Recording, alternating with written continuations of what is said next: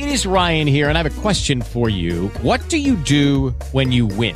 Like, are you a fist pumper? A woohooer, a hand clapper, a high fiver. I kind of like the high five, but if you want to hone in on those winning moves, check out Chumba Casino. At ChumbaCasino.com, choose from hundreds of social casino style games for your chance to redeem serious cash prizes. There are new game releases weekly, plus free daily bonuses. So don't wait. Start having the most fun ever at ChumbaCasino.com. No purchase necessary. Group. Void were prohibited by law. See terms and conditions. 18 plus. Hello, it is Ryan, and we could all use an extra bright spot in our day, couldn't we? Just to make up for things like sitting in traffic, doing the dishes, counting your steps, you know, all the mundane stuff. That is why I'm such a big fan of Chumba Casino. Chumba Casino has all your favorite social casino style games that you can play for free anytime, anywhere with daily bonuses. That should brighten your day a little. Actually, a lot. So sign up now at chumbacasino.com. That's chumbacasino.com. No purchase necessary. VGW Group. Void were prohibited by law. See terms and conditions. 18 plus. Dünyada her ilminden çok yeni tıbbi termin yaranır. Tıp süretle inkişaf edir. Genetik screening, robot cerrahiyesi, farmagenomika, nanotehnologiya, implantologiya, gen mühendisliği, teletebabet sayesinde sağlamlığı korumak asanlaşır. Radio Space bu yenilikleri ölkənin aparıcı tip mütəxəssisləri ilə müzakirə edib, sizi internetdə qarışıq mənbə axtarışından xilas edəcək.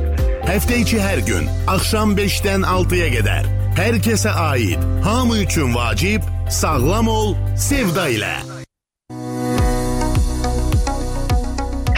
Eğer ilin organını seçmeye mümkün olsaydı o zaman koronavirüs pandemiyası devam ettiği müddet ərzində organlar arasında ağciyərlər birinci yerdə olardı.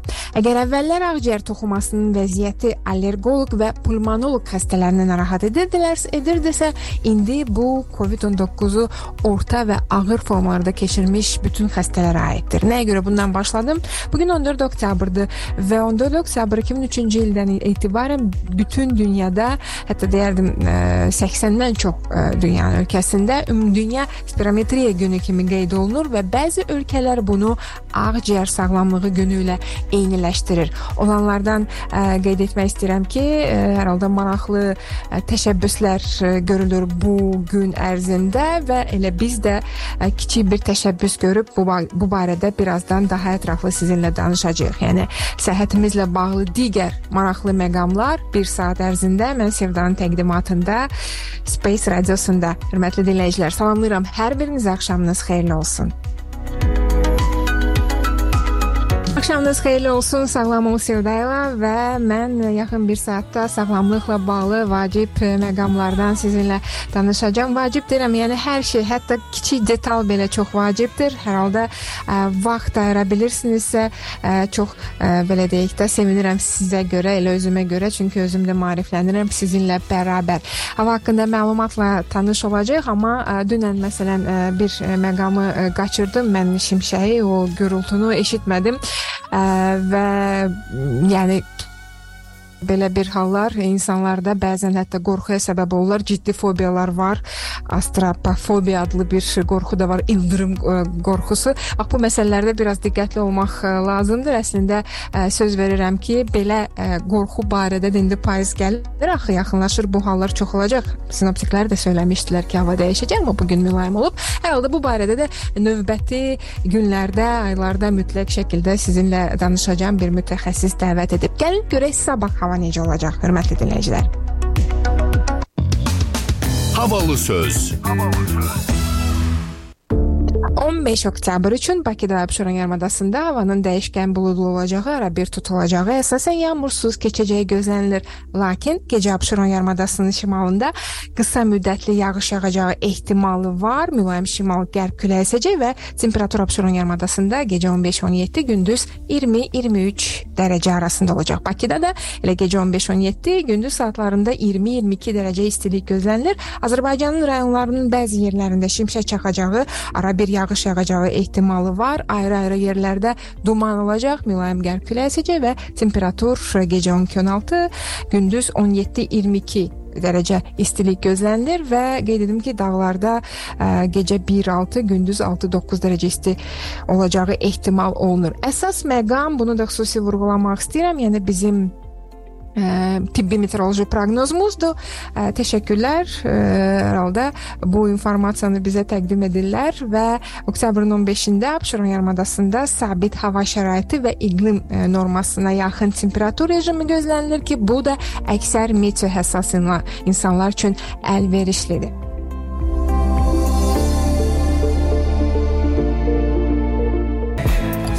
Sevda ilə sağlam ol davam edir.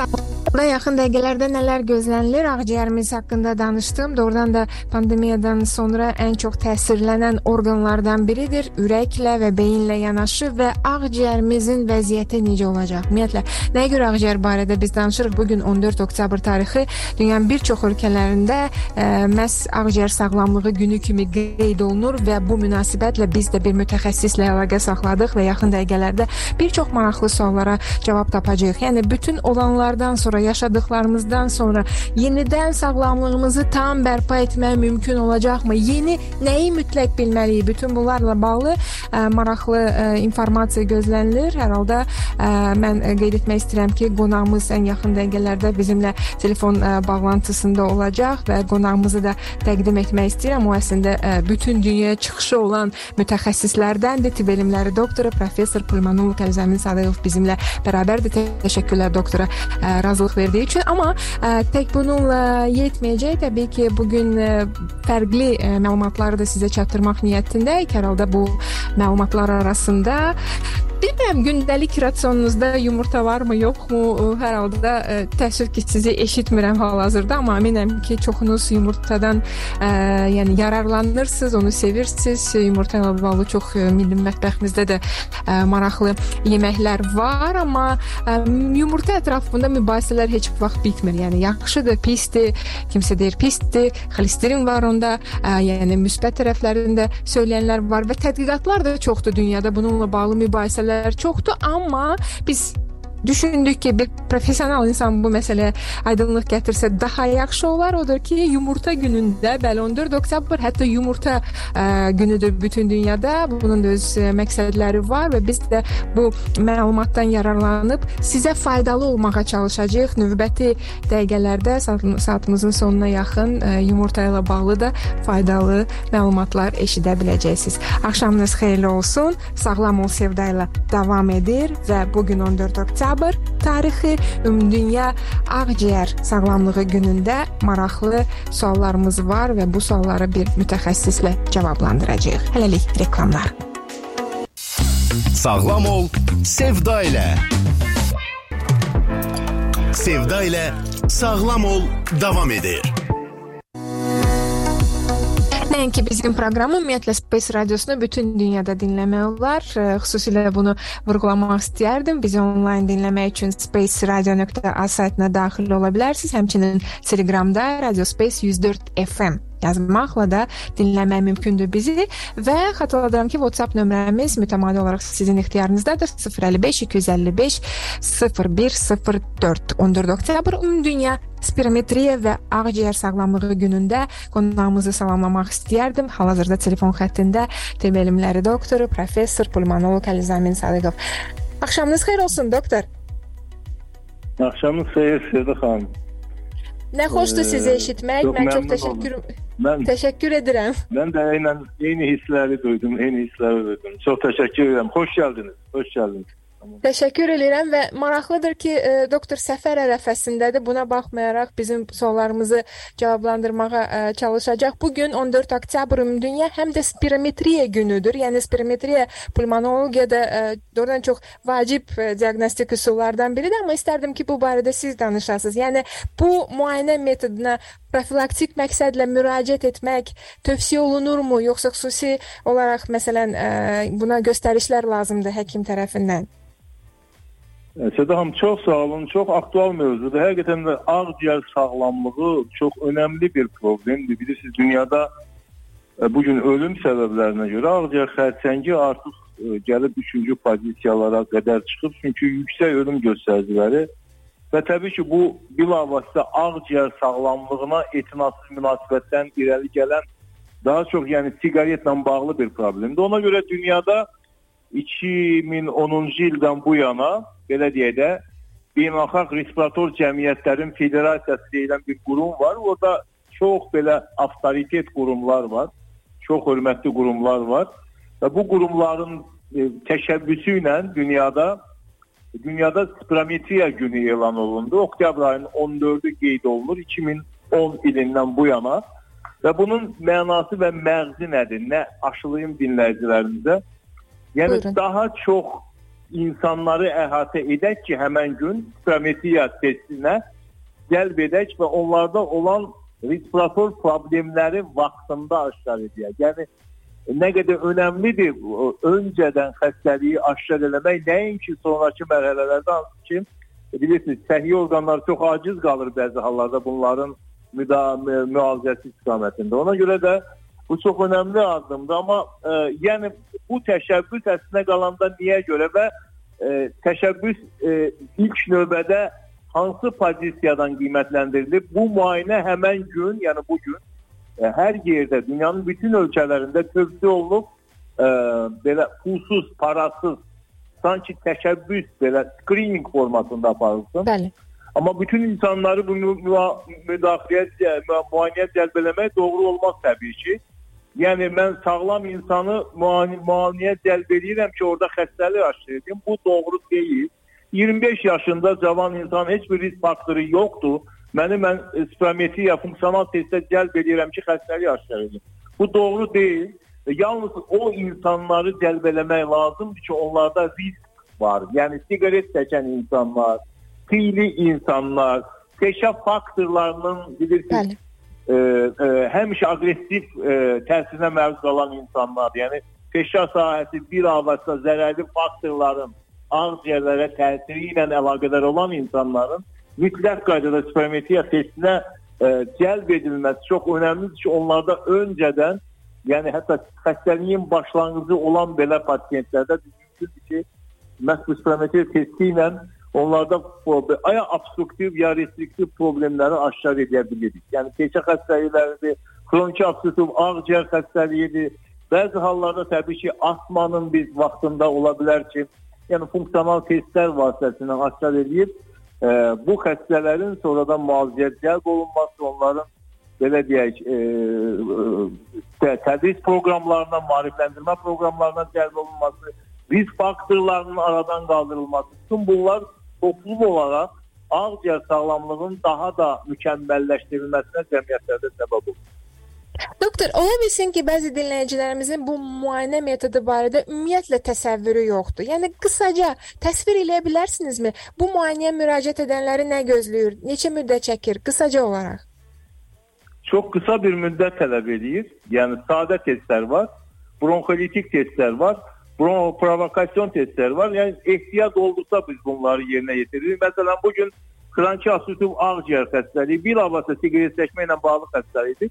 Yaşlı Bəli. insanlar arasında çox geniş yayılmış bir xəstəlikdir. Ölüm səbəblərinə görə 3-cü, 4-cü yerləri bölüşdürür toplum olaraq başqa xəstəliklərlə müqayisədə. Və bu çox sadə bir üsuldur. Ağciyər xəstəliklərinin qiymətləndirilməsində daha çox xəstələr, məsələn bu gün xroniki obstruktiv ağciyər xəstəliyi və başqa adla xroniki bronxit birgə qiymətləndirilir. Bunun spirometriyasız bu xəstəliyin spirometriyasız diaqnostikası yoxdur ümumiyyətlə. Sırf funksional diaqnostikadır. Çox daha bir üsuldur. Xəstə belə deyək, aparatın elektron sistemidir, elektron rekord sistemidir. E, və burada xəstə dərin nəfəs alaraq bir 3 saniyə nəfəsini saxladıktan sonra çox dərin və uzun bir tənəffüs ə, həmən bu turbaya, aparatın turbasına tənəffüs verir və orada olan göstəricilər elektron qaydada hesablanır. Xəstəliyin çəkisinə, boyuna və yaşına uyğun formada hazırlanır. Qısa bir müddət tələb edən, yəni 3-5 dəqiqə maksimum vaxt aparan bir üsuldur ki, biz kifayət qədər informativ oluruq ki, bu xəstənin tutaqdır, gələcəkdə proqnozu nədir? Riskləri varmı? hal-hazırki riski nədir? Statusu nədir? Hal-hazırki xəstəliyinin dərəcəsi nədir? Obstruksiyanın dərəcəsini təyin edir, restriksiyanın dərəcəsini təyin edir. Eyni zamanda proqnostik olaraq qiymətləndirə bilirik ki, 3 ay, 5 ay, 6 ay, 1 ildən sonra bu xəstədə nələr gözlənilə bilər. Bax bu göstəricilərin hesablanması istiqamətində. Müxtəlif Doktor- pozisiyalar var. Bəli, buyurun. Bəli, buyurun, buyurun, buyurun. Ə, müxtəlif pozisiyalar var. Yəni burada ə, təbii ki biz COPD deyəndə, yəni xroniki obstruktiv ağciyər xəstəliyi dedikdə bu xəstəliyin diaqnostikası yenə dediyim kimi spirometriya və yalnız bronxodilatasyon test, yəni salbutamol test aparırıq 15-20 dəqiqədə.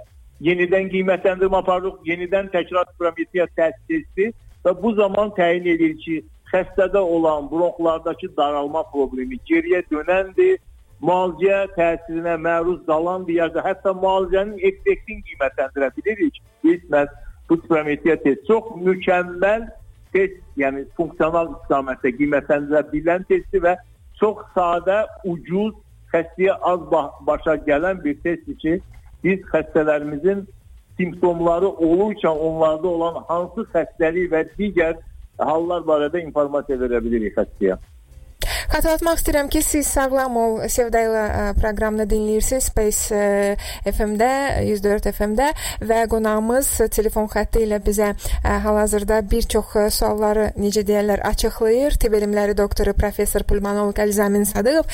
Mən bir məqamı xüsusi vurğulamaq istəyirəm. Biz indi ümumilikdə xroniki ağciyər problemlərindən danışdıq. Bir də ə, üstəgəl COVID-in yaratdığı problemlər. Yəni bu ə, COVID ə, o belə deyək də hadisəsinin yaşanması, spirometriya müayinəsinə belə deyək, daha çox ehtiyacı artırdımı, yoxsa bu biraz fərqli məsələdir, doktor?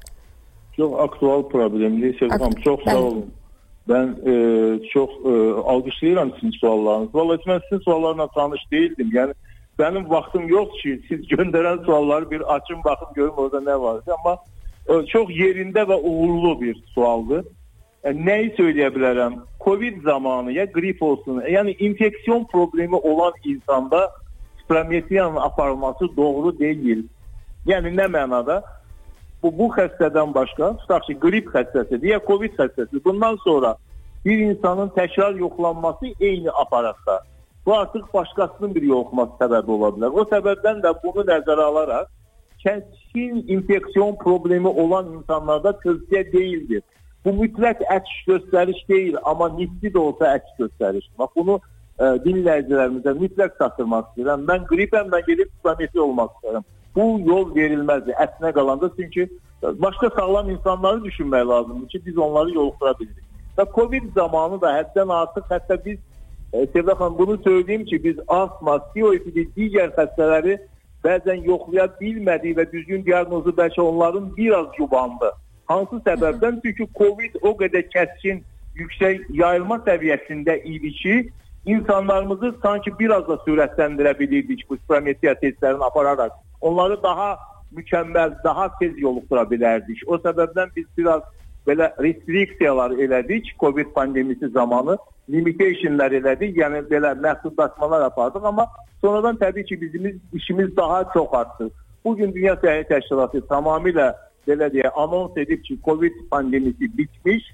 Baxmayaraq bəzi ölkələrdə restriksiyalar, məhdudiyyətlər yenə davam edir, amma bu artıq bitmiş və ona görə də bugün Covid-dən qalan nəticələr çox önəmlidir. Yəni bugün bizim minlərlə Azərbaycan ölkəsində belə deyək, infeksiyon xəstəliklərimiz var. Minlərlə yatmış astmalar yenidən kəskinləşdi. Təsəvvür edirsiniz, biz bugün ə, kabinetdə xəstə qəbul edirsə ofisimizdə pulmonoloq olaraq gələn xəstələrin 2-3-ündən biri astm pasiyentidir. Nədir? Əvvəllər az simptom olan astma Covid-dən sonra dərhal qalxdı. Yəni çox yüksək bir həddə çatıb. Ya bu astmalar, ya olsun digər problemi, infeksiyon ağciyər xəstəlikləri. Bu gün hələ də baxmayaraq Covid-in artıq 3-cü ilidir. Bu 3-cü ilə baxmayaraq biz nələrin şahidi oluruq? Biz xəstələrimiz bu gün də oksigendən asılı vəziyyətdədir. İnfeksiyon problem, ağciyərdə fibrotik dəyişikliklər, ağciyərdə sistik dəyişikliklər, ağciyərdə e, belə deyək, e, e, bantda plevral da qalınlaşmalar, o qədər dəyişikliklər, o qədər belə deyək, radioloji abnormallıqlar qoyub ki, ağciyərlərdə COVID özündən sonra. Bütün xəstələr təbii ki, spirometri olaraq qiymətləndirilməlidir. Hətta spirometriya edərkən belə xəstələrə biz proqnoz verə bilirik ki, 6 aydan sonra tutaq ki, enməyə görə, göstəricilərin enməsinə görə 6 aydan sonra bu xəstənin aqibəti nə ola bilər. Ona görə də belə xəstələri çox aktual surətdə biz cəlb edirik biometrik müayinəyə. Funksional testlərin tətbiqi önəmlidir belə xəstələrdə. Mən düşünürəm radioloji belə deyək, monitorinqdən bu gün biometrik monitorinq COVID-dən sonra daha önəmlidir.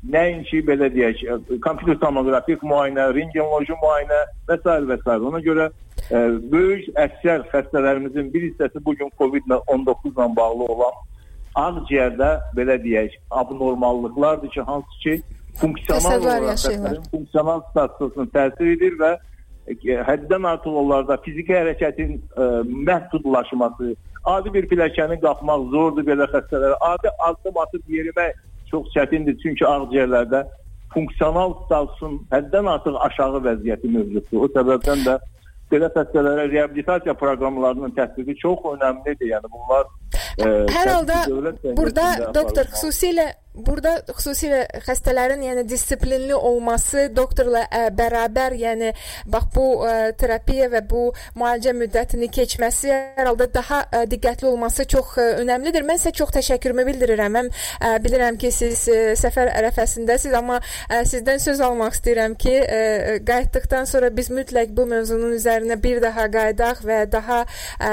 fərqli ə, məqamlara da toxunaq. Son bir sualım olacaq doktor sizə. Ə, yəni ağciyər şəhərimizi bax bu gün sağlam qorumaq üçün bilirəm ki, xüsusilə şəhər yerində yaşayan insanlar əziyyət çəkirlər havadan, siqaret tüstüsü və s. bu faktorlar çoxdur. Amma qısaca olaraq nə tövsiyə eləmək olar onlara? Çox qısaca bu... deyim. Bu yaxında 25 sentyabrda biz böyük bir konfransla keçirdik Tibb Universitetində. Bəli. Ee, Dünya Ağciyər Günü 25 sentyabr. Sevda xanım yadınızda qalsın siz ağciyərə respekt edən bir insansınız, hörmət edən. Mən bilirəm bizim dəfələrlə sizin e, görüşlərimiz olub. Həmişə də yəni çox həyəcanlı a, a, belə məqamlar yaşayırsınız bu ağciyərdən söhbət olmanda. Ona görə e, 25 sentyabr Dünya Ağciyər günüdür.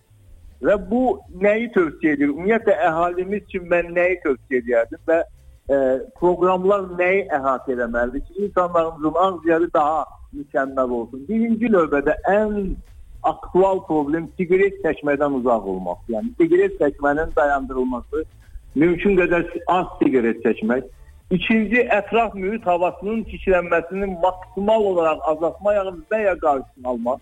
Ya bu çox önəmlidir. Yəni bir avəstəyə xəstəliklər qrupu var ki, ətraf mühit hava. Bu gün Bakıda Sevda xanım təsəvvür edin, mənim aldığım statistika keçən il əvvəli 2 milyon 300 min maşın, yox bu ilin əvvəli. İndi yəqin biraz da artıq rəqəmdir bu.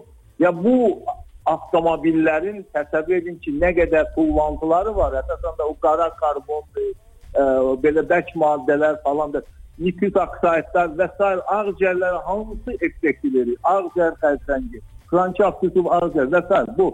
Bunu bir yana, yəni ətraf mühit havasının təmiz saxlanması çox önəmlidir. Siqaret çəkimlərinin dayandırılması. Üçüncü məqam vaksinasiya bu gün çox önəmlidir. Bu gün xroniki İndi bu barədə daha ətraflı danışacağıq. Sizinlə ə, e, ümid tamam, edirəm ki, tamam. yaxın gələcəkdə bu mövzuların hamısına xüsusilə profilaktika və tədbirlərə toxunacağıq. Mən sizə təşəkkürümü bildirmək istəyirəm, doktor. Çox sağ olun ki, bizimlə əlaqə saxladınız. Sağ olun. Minnətdaram sizə. Tibb elmləri doktoru professor pulmonoloq Əlizamin Sadıqovla bərabər idik. Birazdan eşidilərik. Sağlam ol, sevda ilə. Tibb gündəliyi. Tibb gündəliyində çoxlu məlumatlar var, amma onlardan bəzilərini sadəcə sizə çatdırmaq istəyirəm. Dünya Səhiyyə Təşkilatının məlumatına görə dünyada meymun çiçəyi hallarının sayı 70 mini aşıb və bu günə qədər 26 nəfərin bu xəstəlikdən öldüyü bildirilir. Qlobal miqyasda yoluxma halları azalmağa doğru getsə də, keçən həftə əsasən Amerika qitəsi olmaqla 21 ölkədə yoluxmanın ə, artması müşahidə olunub. COVID-19 kimi meymun çiçəyi də ictimai sağlamlıq üçün beynəlxalq narahatlıq doğuran vəziyyət məlumat olaraq qalır. Bu barədə Ümumdünya Səhiyyə Təşkilatının baş direktoru Cenevrədə, ə, yəni İsveçrədə ə, keçirilən mətbuat konfransında danışıb. Bir daha qeyd edirik ki, geriləyən epidemiya ən təhlükəli ola bilər. Çünki bu bizi böhranın bitdiyini ə, düşünməyə vadar edir və ehtiyatımızı aşağı salmağa vadar edir. Biz dünya ölkələri ilə onların sınaq ə, belə deyək də imkanlarını artırmaq və epidemiya meyllərini izləmək üçün işləmək işləməyə davam edirik deyərək bildiriblər. Və daha bir maraqlı məlumat bu dəfə ürəklə bağlıdır. Ürəklə bağlı m, deməli e, sevmək haqqında danışmaq istəyirəm sizə. Sevmək infarktdan sonra ürək əzələ hüceyrələrini bərpa etməyə kömək edə bilərmi? Bax belə bir sual ətrafında düşünürlər amillər. Dəqiq desək, sevgi hormonundan gedir söhbət. Oksitotsin adlı ə, bir hormon var. İnfarktdan sonra ürəyin müalicəsində istifadə edilə bilər ehtimalını artırıb. Hər il təxminən 18,6 milyon insan ürək-damar xəstəliklərindən, o cümlədən infarktlara səbəb olan tac-damar xəstəliyindən və koronar arteriya xəstəliyindən ölür və ya koronar xəstəliyindən xəstəliyindən Michigan Dövlət Universitetinin tədqiqatçıları oksitosin hormonunun itirilmiş ürək əzələ hüceyrələrinin bərpasını stimullaşdırmağa kömək etdiyinə dair artıq sübutlar tapıblar və alimlər ümid edirlər ki, bu kəşf bir gün insanlara infarkt zamanı itirilən ürək əzələ hüceyrələrini bərpa etməyə kömək edəcək. İnfarkt halları da çox yayğındır. Bunu xüsusi vurğulamaq lazımdır. Ürək ehtiyac duyduğu qan və oksigeni qəbul etmədikdə bir insan klinik olaraq miokard infarktı adlanan potensial həyatı təhlükəsi olan infarkt keçirə bilər və ürək əzələsi hüceyrələri qan və oksigendən məhrum olduqda ürəyi zədələyərək ölməyə başlaya bilər. Tarixən alimlər hesab edirdilər ki, ürək əzələ hüceyrələri bərpa oluna bilməz, necə ki beyin haqqında da biz belə fikirləşirdik. Bu bir insanın infarkt zamanı itirdiyi hər hansı ürək əzələ hüceyrələrini zamanla bərpa edə ə, bilməyəcəyi demək idi. Amma bununla belə əvvəlki tədqiqatlar göstərir ki, ürək əzələsi hüceyrələri bərpa oluna bilər. İndi də bax ə, Michigan Dövlət Universitetinin tədqiqat qrupu bunun ətrafında geniş bir araşdırma aparıb və düşünürlər ki, bu kəşf doğrudan da ə, gələcəkdə infarkt keçirmiş insanlar üçün ə, çox ə, faydalı ola bilər. Bax belə, hörmətli ə, dinləyicilər, sadəcə qısaca ə, onu deyim ki, oksitosin nədir? Yəni sevgi hormonudur və ə, beynin hipotalamus bölgəsində istehsal olunur. Yəni aşiq olmaq, sevmək, hətta bəzən yemək bişirmək, kimisə qucaqlamaq belə o ə, hormonun ifrazına səbəb olur. Odur ki, əsirgəməyin bu halları. Sağlam ol, sevda ilə. Sevda ilə sağlam ol davam edir. Daha bir əhəmiyyətli tarix bu gün bütün dünyada yumurta günü kimi qeyd olunur. Yəni biraz gülməli səslənir, amma doğrudan da yumurta əvəzsiz bir ə, ərzaqdır mənə mənə görə. Hətta ə, çox təsirləndiyim bir ə, ifadə eşitmişdim vaxtilə ə, proqrama qatılan mütəxəssislərdən biri bunu söyləmişdi ki, ana südündən sonra ən vacib ərzaqlardan ən vacib ə, olanı elə yumurtadır. İndi ə, bunu mübahisə etmək istəyənlər də olacaq, amma gəlin bir mütəxəssisə müraciət eləyək və görək ümumiyyətlə bax bu ə, mövzuda ə, yumurtanın faydaları nədən ibarətdir? Nəyə görə ə, belə deyək ki, Beynəlxalq Yumurta Komissiyası 96-cı ildə qərara gəlib ki, ə, hər il bir dəfə yumurta günü qeyd etsinlər. Qonağımız var, mütəxəssis, həkim nutrisioloq Vəfa Əskərli. Gün ən çox verilən suallardan biri: yumurta yemək bizə xeyirlidirmi? Qida rasionunda yumurtanın varlığı zərərlidirmi? Ə, əlbəttə ki, müxtəlif mənbələr müxtəlif məlumatlar paylaşırlar. Ancaq bir sağlam qida mütəxəssisi kimi mən öz bildiklərimi sizinlə paylaşmaq istəyirəm və düşünürəm ki, yumurta o qidalardandır ki, bizim rasionumuzda mütləq öz yerini almalıdır. Çünki yumurta yüksək protein tərkibli olması səbəbindən ət ilə eyni qrupa daxil edilir. Bundan başqa yumurta zəngin biokimyəvi tərkibə malikdir. Yumurtanın tərkibində A, B qrup vitaminlər, D, E, K vitamini var, proteinlər var, makro mikro elementlər var, antioksidantlar, fermentlər, digər bioloji aktiv maddələr zəngindir. Bundan başqa yumurtanın tərkibində 20 məlum amin turşunun demək olar ki, hamısına rast gəlinir. Əvəz olunmayan amin turşularla da yumurtanın tərkibi zəngindir. Yumurta həm protein,